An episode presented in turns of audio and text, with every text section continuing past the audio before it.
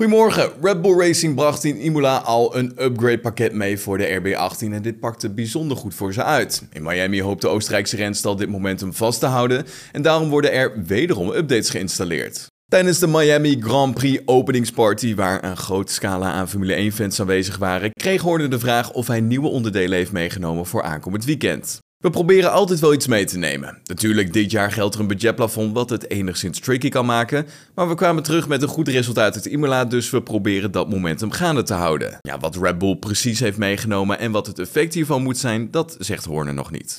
En de Netflix-hitserie Drive to Survive krijgt een vervolg. De Formule 1 maakte vlak voor de Grand Prix van Miami namelijk bekend dat het een seizoen 5 en een seizoen 6 krijgt.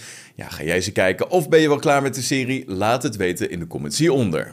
Gaan we door met Olaf Mol en Jack Ploy, want de crowdfunding die was opgestart om het duo weer terug in de paddock van de Formule 1 te krijgen, is stopgezet. Dit heeft de website steunactie.nl, waar het initiatief werd gestart, in een persbericht uh, laten weten.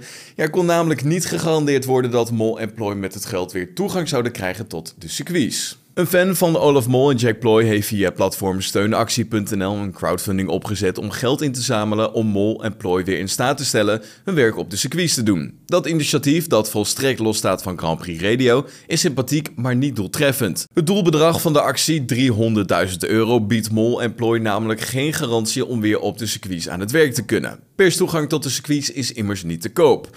Mol en Ploy betreuren de gang van zaken, maar willen benadrukken dat zij de intentie van de actie zeer waarderen. Iedereen die heeft gedoneerd krijgt zijn geld weer terug. Wat is jouw mening hierover? Laat het weten in de comments hieronder.